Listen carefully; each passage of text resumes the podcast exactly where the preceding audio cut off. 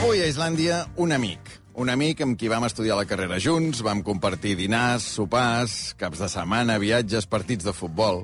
Però d'això fa molt de temps. Ell després se'n va anar a Nova York a estudiar cinema, ha treballat de cronista i d'articulista molts diaris, ha publicat quatre llibres, s'ha fet gran, ens hem fet grans, li han passat, ens han passat coses bones i coses no tan bones, i avui és aquí amb un altre llibre. Un llibre on es presenta com un home adolorit, un home amasegat, però sobretot com un home orgullós d'haver estat el pare del Marc. Daniel Vázquez Sallés, Dani, bona tarda. Hola, bona tarda. Com estàs? Doncs bé, molt content d'estar aquí. Sobretot orgullós, no, Dic, després de llegir el llibre? Eh, estic orgullós, sí, orgullós. Com a pare, em sento molt orgullós d'haver tingut un fill que m'ha permès poder escriure aquest llibre, sí. Clar, tinc el llibre a les mans, el llibre es diu El príncipe i la muerte, l'ha editat l'Ernest Folk, a la seva col·lecció Folk i Folk. Què significa per tu aquest llibre? Doncs una part del procés del dol, en el qual, doncs, sempre, sempre quan eh, es mor una persona doncs, que forma part de la teva vida i doncs sempre, sempre llegeixes coses com, com faràs el dol i això, però, esclar... No hi ha un manual, no? No, i amb un fill inclús no hi ha la paraula que defineixi a la gent que perd un fill. I llavors el que va ser una part que vaig necessitar marxar per poder escriure aquest llibre, trobar un lloc, un indret que fos tan solitari que només tingués, estiguéssim jo i el Marc i no hi hagués cap mena de, de lloc on poder agafar-me. Mm -hmm. Anem per parts perquè has dit moltes coses i la gent, la gran majoria, no sap la història. Um, clar, has dit que vas necessitar marxar, però abans també has dit una altra cosa, que és que no hi ha una paraula que defineixi els pares, que segur que hi ha pares que ens estan escoltant ara, i també els ha passat el que us ha passat a tu i a la Celine, sí. que és que s'us ha mort un fill. Què vol dir que no hi ha una paraula per això? Sí, que tu busques, no? Hi ha una vídua, hi ha... Sí, veus Ovidu, però no hi ha una paraula que, que, que tu t'hi trobis, no? On diguis, sóc un pare o ets una mare que ha perdut un fill, què som en aquest món, no? Clar, clar, si perds... Som orfes, d'alguna Si perds la teva parella, ets vidu, no? Sí. Si, per, si perds el pare, com et va passar sí. tu, també, eh, ets orfe, orfe de pare, en aquest sí. cas, però clar, si perds un fill no hi ha paraula. Som orfes de fill, no? I orfes de paraula. I orfes de paraula, sí. Jo per això dic que hauríem de, hauríem de treballar una miqueta per trobar una paraula que ens hi trobéssim tots, els que hem hagut de viure aquesta tragèdia. Mm -hmm. Va passar, farà dos anys, el mes d'abril, no?, que es va morir el Marc, i fa un any, més o menys aquesta època és, que vas marxar a Grècia? Sí, el dia 1 d'abril vaig arribar... El dia 1 de febrer vaig arribar a la illa, sí. Sí, sí. Quina illa és? Explica'm, a veure, perquè, clar, dius Grècia, clar, Grècia tots coneixem algunes illes, però jo no havia sentit mai l'illa on tu vas anar a parar, eh? Jo tampoc l'havia sentit mai, aquesta illa. Però vaig a través d'un amic meu, que és un Marcelo, va dir que coneixia un noi que coneixia bé les illes gregues, eh, el Carlo, i llavors eh, vaig parlar amb ell i em va dir, jo sé la illa que et va perfecta per lo que busques, i es diu Cofonícia. Llavors era tan petita, tan petita, que vaig a buscar el mapa a veure què era. I estava sota Naxos, una illa de 5 quilòmetres quadrats. Clar, dius que és una illa que és quatre vegades més petita que Formentera, que potser és una mida que tenim tots més sí, al cap, no? Sí. O sigui, Formentera, aquí la trobem molt petita, tu te'n vas a una illa. A Grècia, quatre vegades més petita. O més, no sé, 5 quilòmetres quadrats feia. Sí. I marxes, més o menys, eh, això, ara fa un any, aquesta... Sí, vaig marxar, vaig estar dos dies a Atenes, i després vaig agafar un avió cap a Naxos, i Naxos un vaixell dues hores i mitja fins a la illa. I qui hi ha l'hivern a Caufonícia, en aquesta illa de 5 quilòmetres quadrats? Doncs són 360 persones a la illa. Hi ha un poble que és eh, més o menys gran per lo que és el, el tamany de l'illa, i allà m'està esperant el, el que porta el, el lloc on jo havia llogat un bungalou m'està esperant al port i era molt fàcil distingir perquè era gairebé l'únic que hi havia allà. Bueno, el que devia ser fàcil de distingir, Dani, perdona que t'ho digui, devia ser tu, perquè clar, si només hi viuen 360 persones, te'n vas allà a l'hivern que no hi ha ni un turista... Tot sí, he dit que si, si no parlo semblo grec, eh? no sóc nòrdic, eh? Per tant, podia confondre'm amb un grec. Però sí, jo crec que sí. Amb la cara que fotia jo de tristesa, això jo crec que sí, que, que em va distingir el vaixell, sí. Què és aquesta música que estem sentint? Mira.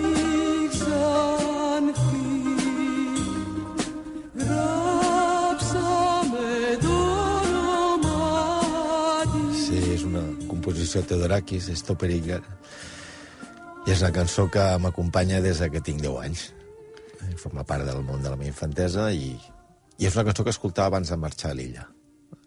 Jo sol, solia anar a passejar i escoltava cançons i, i aquesta la sonava. Aquesta sonava, clar, perquè a més a més Grècia és una tria, digui, tu te'n vols anar a un lloc on estigueu només tu i el Marc, tu i el teu fill, que ja s'ha mort per poder escriure-li aquest llibre que avui estem presentant, però Grècia per tu és alguna cosa més, i llavors també una de les, un dels al·licients d'aquest llibre és aquest viatges enrere que fas quan te'n vas a l'edat que tenia el Marc, no? que tu tenies 10 anys i que feies els primers viatges amb els teus pares, no? amb el Manolo, amb l'Anna, i que us anàveu a Grècia, precisament. Sí, va ser un viatge, el primer viatge al 75, 31 dies amb un 131, sense aire condicionat, però va ser un viatge d'aquells que et guardes a la memòria i converteixes en, segurament en el paraís de teva infantesa, no? A part que jo venia d'una família polititzada, el uh -huh. qual volia dir que quan sortia d'Espanya, en aquell moment, no? Espanya, sense la S, eh, jo em sentia molt lliure. Perquè trobava que meus pares estaven, no? estaven fora de perill. I llavors a Grècia vaig descobrir llibertat, un país que em va agradar molt, l'arqueologia m'agradava molt. Uh -huh. eh, llavors vaig, vaig, sempre vaig pensar que si un dia, un dia pogués, m'instal·laria un temps en una illa grega, una miqueta sigui l'esperit aquell de Leonard Cohen, d'arribar a una illa... El que passa és que vaig anar-hi amb circumstàncies no desitjades, però vaig voler marxar i fer complir això uh -huh. amb el Marc al costat. Què feies a, a Coufonícia, diguem? Quin era el teu dia a dia allà? Vas tancar-te només a escriure? Vull dir, si he d'imaginar-me el Dani Vázquez allà escrivint 8 hores al dia? Sí. O quina rutina tenies? La rutina era molt espartana. 8 del matí llevar-me, anar a prendre un cafè a un, a un dels dos bars oberts al poble, eh, tornar a escriure, eh, fer-me el dinar, eh, anar a passejar, tornar a escriure, eh, fer una altra passejada i anar a dormir. Quant temps hi vas estar? Cinc mesos. Cinc mesos? Sí. I en cinc mesos devies tenir temps de fer amics. o no era la intenció? No, no m'és important fer amics, però no vaig trobar l'ocasió. Primer que molta gent no parlava... Jo, jo l'anglès, reconec que jo sóc molt poc destre amb els idiomes. Uh -huh. eh, I després que, clar, el grec no el parlo, però m'hagués agradat parlar-lo. Passa no vaig trobar allò contrincants o gent al meu costat que m'ensenyés una miqueta de grec. Eren gent bastant tancada, bastant tancada. La gent més amable va ser la del complex on jo estava. El, la Dorina, el Florian, que eren, eren gent d'Albània, i que s'havia instal·lat, i l'Antonis, que era l'home del complex, que era molt simpàtic però no parlava anglès. I amb aquests les converses eren bastant estranyes. El príncipe i la muerte és aquest llibre que es, uh, surt a la venda dilluns. Avui és la primera vegada que el Daniel Vázquez Sallés en, en parla.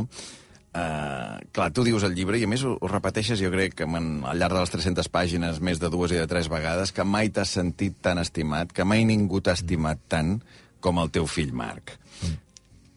Parla'm del Marc. Tu saps allò que es diu que es parla del, de l'ofici del pare, no? El dur ofici dels pares? Doncs hi ha el dur ofici dels fills. I el Marc va ser un fill eh, que va honorar els seus pares en molts sentits, no? Era un fill que va néixer malalt, amb dues enfermetats d'aquestes diuen rares, però que de seguida es va agafar la vida d'una forma que ens va sorprendre a tots sigui, l'amor que tenia per viure ens deixava tots sense l'E. Sí, hi ha una, en el llibre ho poso, ¿no? Hi ha aquesta frase que li preguntaves, Marc, com estàs? I et deia, pues la, la verdad es que mi papá estoy vivo. Clar, tu et deia això, deies, hòstia, però t'estàs resumint tot amb això, no? Què més hi ha?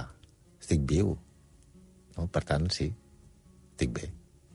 Clar, va ser el Marc, dius això, que va néixer no amb una, sinó amb dues malalties d'aquestes minoritàries, malalties rares, no?, que li van complicar molt la vida, que va... Eh, us van complicar la vida a tots, diguem, no?, mm. que va ser entrar i sortir dels hospitals, diguem que els hospitals també és un dels escenaris, Grècia és un dels escenaris d'aquest llibre, on el Dani Vázquez ho escriu, però clar, la vida del Marc va passar molt al, als hospitals, diguem, no? El fet de tantes entrades i sortides, el fet d'una salut fràgil durant tant temps, Um, tu pensaves que el risc que s'acabés morint, com va passar quan tenia 10 anys, era una cosa que tenies present? O tu creies que el Marc era immortal perquè s'havia sortit absolutament de tot? Els primers anys, eh, per mi cada dia era una victòria. I quan el Marc passa els 5 anys, per mi em considerava el meu fill immortal perquè era capaç. I sempre recordo, eh, que sempre et deien no, es posarà bé perquè et deien els infermers o els metges, és el Marc posarà bé. Llavors, tens un sentit d'un nen que ho supera tot, amb aquestes ganes que té, i, i de sobte, doncs, bueno, doncs, eh, veus que el tio va aprenent, va sortint de tot, amb aquest amor que té per la vida, per les petites coses, no? Amb, a, com estimava caminar, com estimava veure coses, com disfrutar amb les coses més simples, com és un suc de pinya, no? Per ell era, o en el cinema, que era una bogeria, el del cinema. Llavors, a poc a poc, vas veient com el nen, a pesar del que té, doncs el pots anar introduint en la vida i tenir en compte l'univers, que és un nen que durant els tres primers anys de la seva vida es va crear en un hospital. Per tant, és que és, com, és, li has ensenyat tot. I l'has ensenyat a ser nen. Un dels laments que surten al llibre, diguem, no? que el llibre dèiem això, hi ha una part de dolor important en aquest llibre, evidentment, no? hi ha la pèrdua, hi ha la pèrdua d'un fill, però hi ha molt amor, també, no? I un, una de les coses que tu et sap greu és que el teu pare, el Manolo Vázquez Montalbán, que va morir l'any 2003, ho recordarem, ara farà 20 anys, el 17 d'octubre, no?, amb aquell atac de cor a, a, a Bangkok, a l'aeroport, em sembla que era, no?, que, que tenia 64 anys només, que el teu pare no hagués pogut conèixer el, el Marc, no? Sí, és la tendresa al meu pare. No? Aquella timidesa en el qual el meu pare amagava la, la tendresa profunda que tenia, el meu pare s'hagués tornat boig amb el sonet, perquè era un nen que, que destilava amor, era una cosa... I el meu pare s'ha sentit boig pel sonet. I vaig intentar que el tingués present al llarg de la seva vida, amb fotografies, mm -hmm. i a poc a poc se'l van introduint a la seva manera, perquè, és clar, el meu fill però això en parlarem, no, no, no parlava al principi, per tant no sabia exactament el que li passava al Parlament. Però ell anava aprenent, anava, no? Anaven com era molt... anava xuclant les coses que veia, i llavors, clar, pensaves, com li pots fer explicar qui és aquest senyor que té aquesta fotografia, no? I, ho va, i el tio ho va, ho va introduir la seva vida i era l'abuelo Manolo. A més, hi busques molts paral·lelismes, diguem, un d'ells, per exemple, que el Marc no sabia anar en bici i, sí. i tu penses, bueno, no passa res, sí, el meu sí. pare no en va saber en tota sí, la vida sí, sí. i se'n van sortir, no? Això de no passar res és molt important amb nens com, com el Marc. És dir, nosaltres sempre tenim nens, els nens sempre eh, veiem la realitat segons els nostres, segons l'interpretem nosaltres. Per tant, és com jo explico el llibre, el, el Marc el portava al zoo i no li importaven els animals. I per mi el primer va ser, hòstia, aquest nen no es fixa en els animals. I al final penses, però per què s'ha de fixar en els animals? Vull dir, es fixava en altres coses. I pot ser per moltes coses, perquè no li agraeix els animals tancats, com ell havia estat a l'hospital, o pot ser perquè li feien por els animals, o pot ser perquè simplement no li interessaven els animals. Per tant, vaig haver d'aprendre a entendre que el Mar tenia la seva manera d'entendre la vida i, per tant, no li anava la bicicleta? Doncs no anava a bicicleta. Quan fa que no trepitges un hospital? Des de, bueno, des de, crec que des de la mort del Marc. Farà dos anys a l'abril, eh? Quan, sí. quan entraves i sorties, no? Sí, sí, des de la mort del Marc. Però havia estat molt temps sense entrar a l'hospital, després va entrar el, un mes abans de morir, va entrar, tenien enterocolitis, va agafar, i allà va agafar la bactèria. Mm -hmm. I no he tornat més perquè la, la veritat és que tinc molt respecte als hospitals i a la feina de les enfermeres i dels metges, però em costa molt. Clar, clar. Costa molt. És un escenari que constantment tinc el meu fill al cap. Hi ha un moment que dius que la diferència entre un hospital i una presó és que de la presó saps el dia que en surts, no? Sí. Sí, sí, és que nosaltres havíem estat, eh, amb, amb els dos anys primers de la vida del nen, havíem estat quatre mesos seguits, ens enviaven a casa i al cap de tres dies tornàvem a l'hospital i tornàvem a estar quatre mesos seguits. Clar, és una, al final la realitat és tan estranya que dius, hòstia, però si a la presó dius, bueno, et foten quatre anys, dius, al cap de quatre anys, o amb sort, et surts amb dos, però aquí és que no ho saps. Com ho has aguantat, això, Dani? Doncs ho he aguantat no ho sé com ho ha aguantat. Suposo que ho ha aguantat mire, primer perquè el Marc ha tingut una mare que ha sigut una... Això se'n diu mare, mare coratge, una mare fantàstica, una mare que, que va aprendre totes les coses que podia aprendre sobre el, el seu fill i l'enfermetat i me les va ensenyar a mi. I després perquè vaig tenir un fill que era únic, que era un, era un animal de la vida, era un nen que, que, que era capaç de despertar una operació, el primer que feia era somriure no? en plan de dir, escolta, ja estic aquí de nou, eh? Per tant, ho he aguantat he tingut un nen que m'ho ha fet molt fàcil. I després jo he fet un aprenentatge i, i bé, ha sigut... Quan, eh, quan intentes recuperar el passat, evidentment, si te'n vas a la nostàlgia només veuries els moments bons. Però aquí es tracta de fer memòria i recordar que la vida amb el Marc ha sigut molt dura i molt feliç a la vegada, no? I no sóc la mateixa persona del dia que va néixer el Marc, no sóc la mateixa persona del dia que va morir el Marc, per tant, hi ha una evolució amb el Marc sempre al costat i la seva manera d'entendre la vida. Tu t'estimes més la vida ara o el dia que va néixer el Marc? O abans que naixés el Marc? Jo m'estimo més la vida que teníem els dos últims anys de la vida del Marc.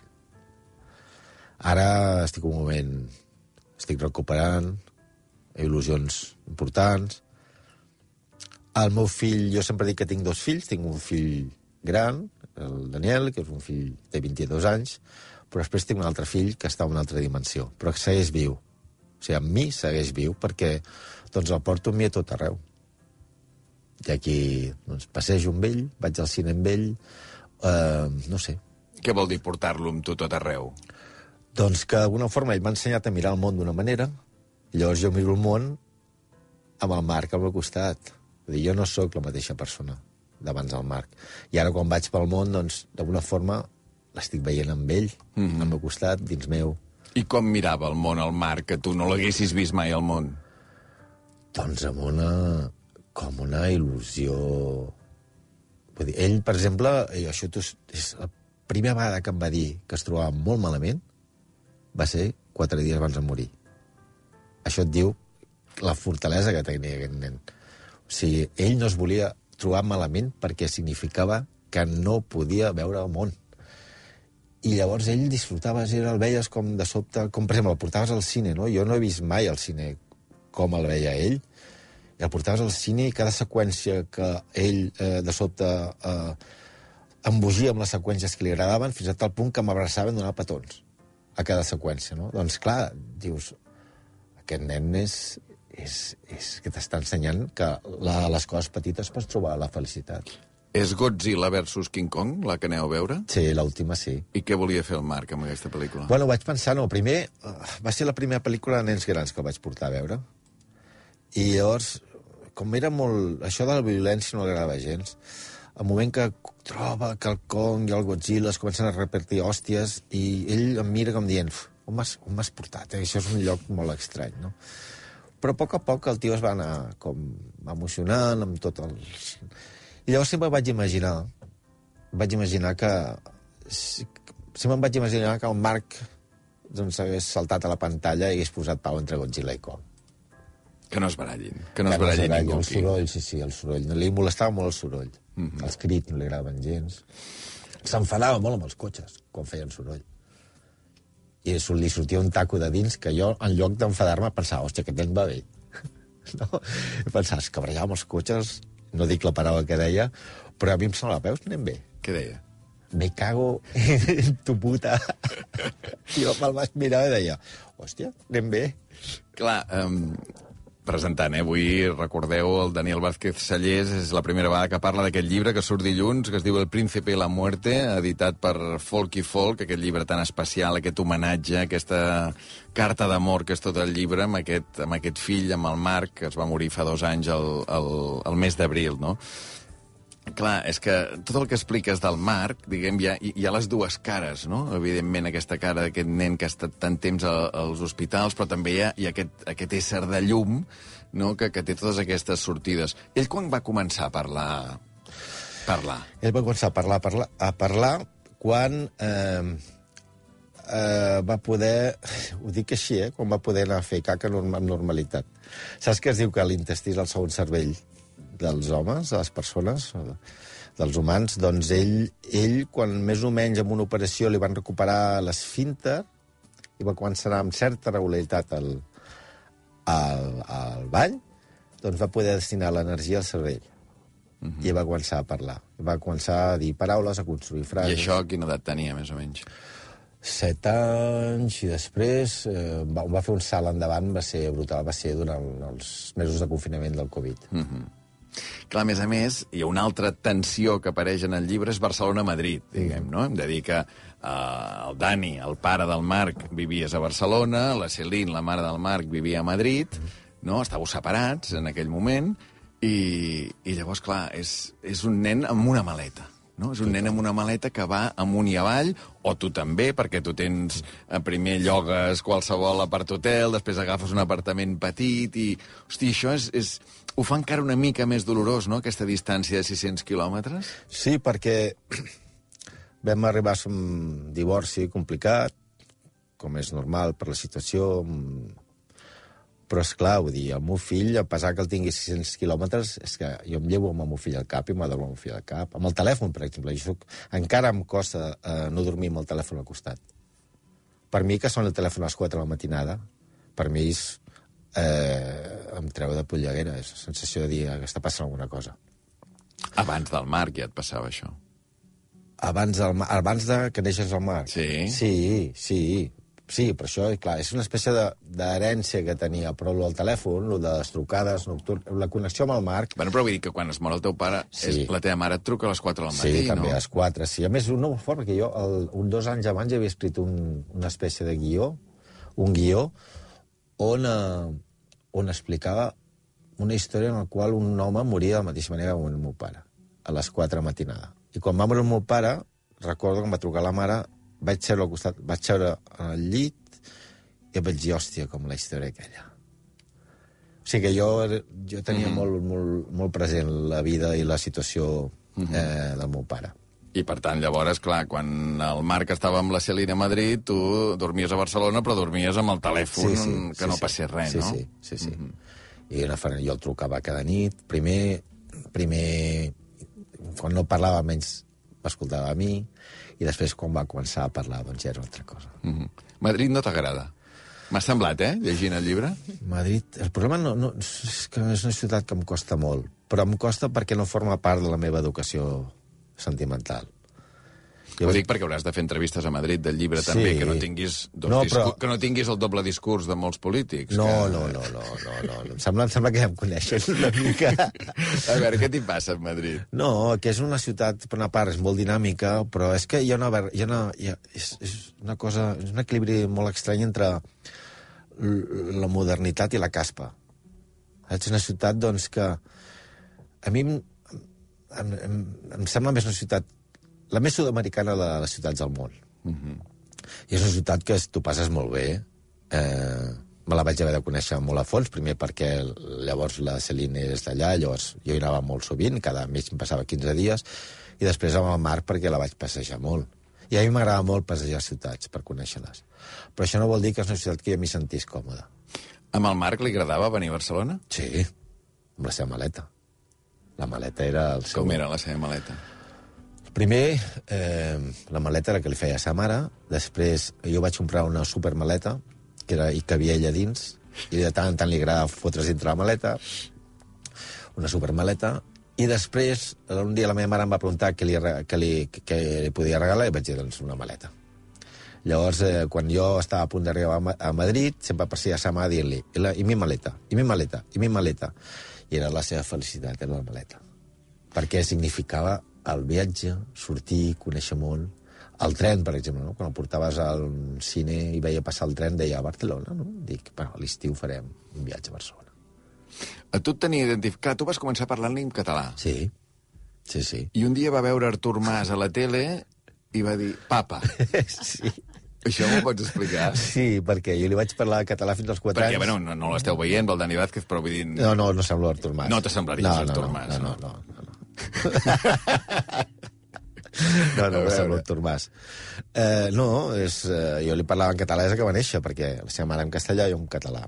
Inclús quan se'n va anar a Madrid, el nen, jo vaig seguir parlant en català. Però hi ha un moment donat que vaig haver de canviar l'idioma. Per què? Per ajudar-lo amb ell a centralitzar el que és l'aprenentatge del llenguatge en un sol idioma però encara identificava el seu pare amb el català.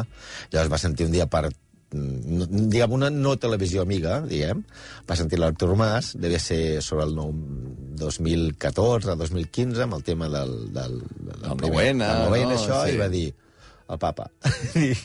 dic, no, no, vaig pensar, no, no, el teu papa no. de, és més... és, Li vas home- deixar clar, Sí, sí, sí. vas deixar clar papa, que no... No, no. no, perquè mai has tingut eh, ganes de dedicar-te a la política, no? No. no, no, mai, mai. No serviria, eh? Jo, jo valoro molt, eh, els, els, els gent que es dedica a la política, els bons polítics, que és una feina que algú ha de fer. Però jo no serveixo. Clar, he dit al principi que érem amics, que vam estudiar junts, Sí. no? amb la Cristina Jolong, Sí. també, no? que apareix molt al llibre, Sí. la teva amiga germana, Sí. no? pràcticament, amb el Pau Arenós, mm. amb el Pere Prat, en fi, amb, amb moltíssima gent que érem allà, però tu llavors vas fer publicitat, no? Vas fer periodisme. Mm -hmm. Per què? Per qüestions que no volia fer una cosa a fer el meu pare, bàsicament. I perquè volia fer cine, perquè llavors em creia que podria ser el Francis Ford Coppola, Coppola Ibèric i, i no, no va sortir bé la jugada. I vaig fer publicitat, després me'n vaig a Nova York a estudiar cinema i, mm -hmm. i no, no... I finalment vaig acabar fent el que jo no volia fer. Creus que és molt, molt diferent aquest Daniel Vázquez Sallés d'ara, el, el que anàvem junts i que ens vam conèixer l'any 84 a, a la facultat, a Bellaterra? Sí, jo crec que era més gilipolles, llavors. Eh? Tots, jo crec, Sí, no? una miqueta més gilipolles, sí. Jo crec que tots Sí, sí, ho, érem sí. Una, ho érem una mica més, no? Um, Dani, deixem que posi una música, perquè, clar, uh, dèiem que l'escenari, que Grècia, que aquesta illa, que Eufonícia és molt important, tot i vas estar cinc mesos, vas arribar a ple hivern, però clar, mica en mica la cosa, la cosa es va animant. El primer signe d'animació, el llibre, expliques que té relació amb aquesta cançó.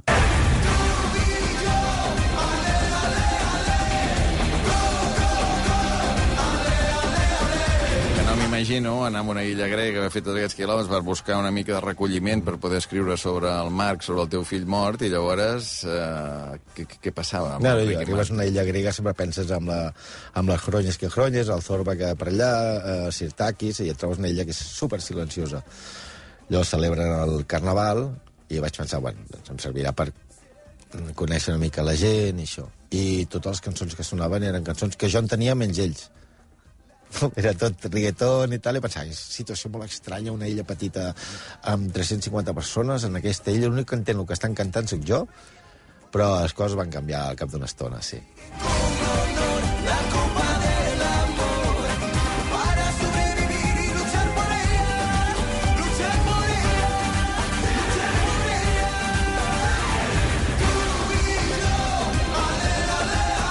I tu podies, eh, durant tota la, tots els anys aquests més durs de la malaltia del Marc, continuar treballant? Tu llavors feies d'articulista, de cronista, per exemple, no? El diari El Mundo feies tota la crònica cultural de, de la setmana. Podies combinar les dues coses o era tan absorbent la malaltia del Marc que havies d'estar 24 hores allà? Ho havia de fer, perquè jo sóc una persona que en general sempre em treu les feines quan toca. I llavors ho havia de fer, i llavors em trobava en situacions estranyes, no? Com escriure una, una crònica cultural que fos més o menys punyent, amb l'ordinador sobre el llit del meu fill a la UCI, no? I llavors eren dos mons en el qual eh, et pots tornar bastant boig i, i segur que acabes sent... no acabes en mans amb un psicòleg, com és normal, no? Se'n ressentien les cròniques? És a dir, a vegades vas abocar eh, coses amb algunes cròniques, amb alguns personatges, amb alguns articles, diguem, amb, jo què sé, la malla que tu poguessis covar pel que estava passant en, en els diaris? Sí, malauradament sí.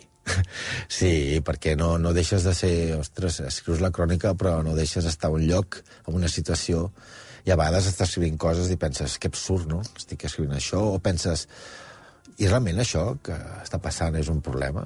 No? Per, comparat amb una UCI, per exemple. Doncs jo, per exemple, la UCI, que va, els primers temps de la UCI del Marc, a Sant Joan de Déu, jo vaig veure morir set nens. Clar, el vuitè podia ser el teu.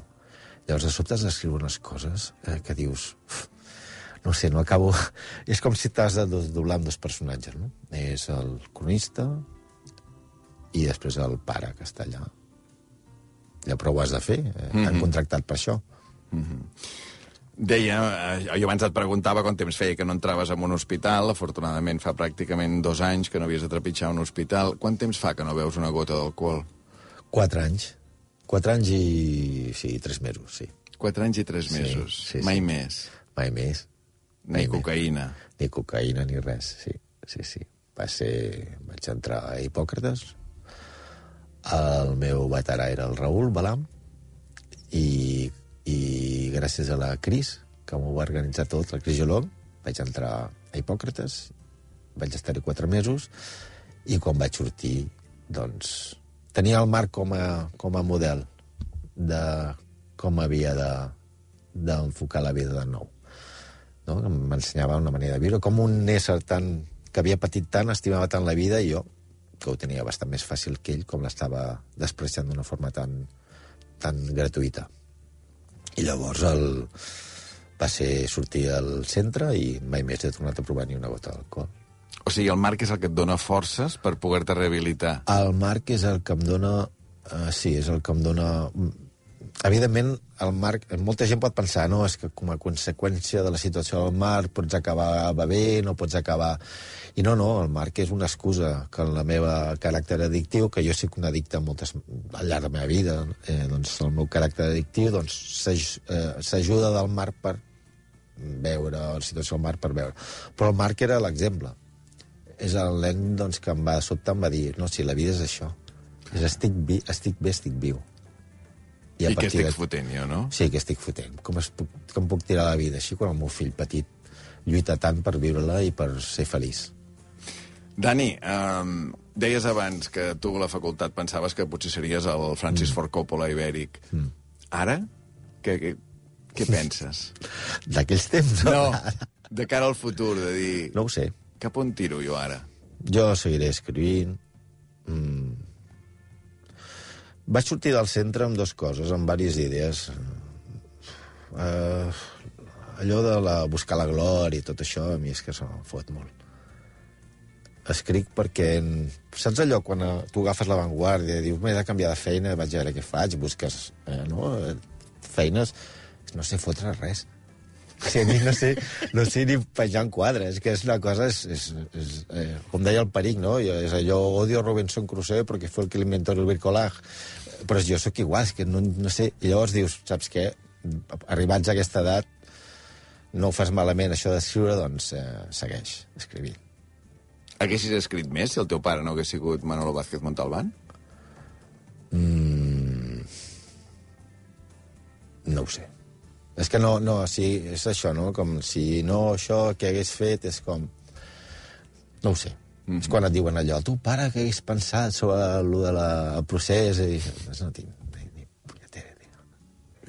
Clar, clar, que sempre penso, mira, aquesta setmana que anava el, ahir al funeral de Josep Maria Espinàs, no? que quan es mor una personalitat pública, com és el cas de l'Espinàs, o com és el cas de, del Manolo Vázquez Montalbán, del teu pare, que és molt difícil, suposo, pels familiars més directes, fer compatible el que és el dol privat, el dol particular, el dol mm. íntim, amb un dol públic, mm que hi ha tot de gent que estem parlant sí. d'unes persones que sí, les podem haver conegut o ens mm. podem haver creuat a la vida amb ells, però, però, però que no són els vostres pares, no? Sí. Que, què esteu dient? A tu t'ha passat, això? Sí, és que el meu...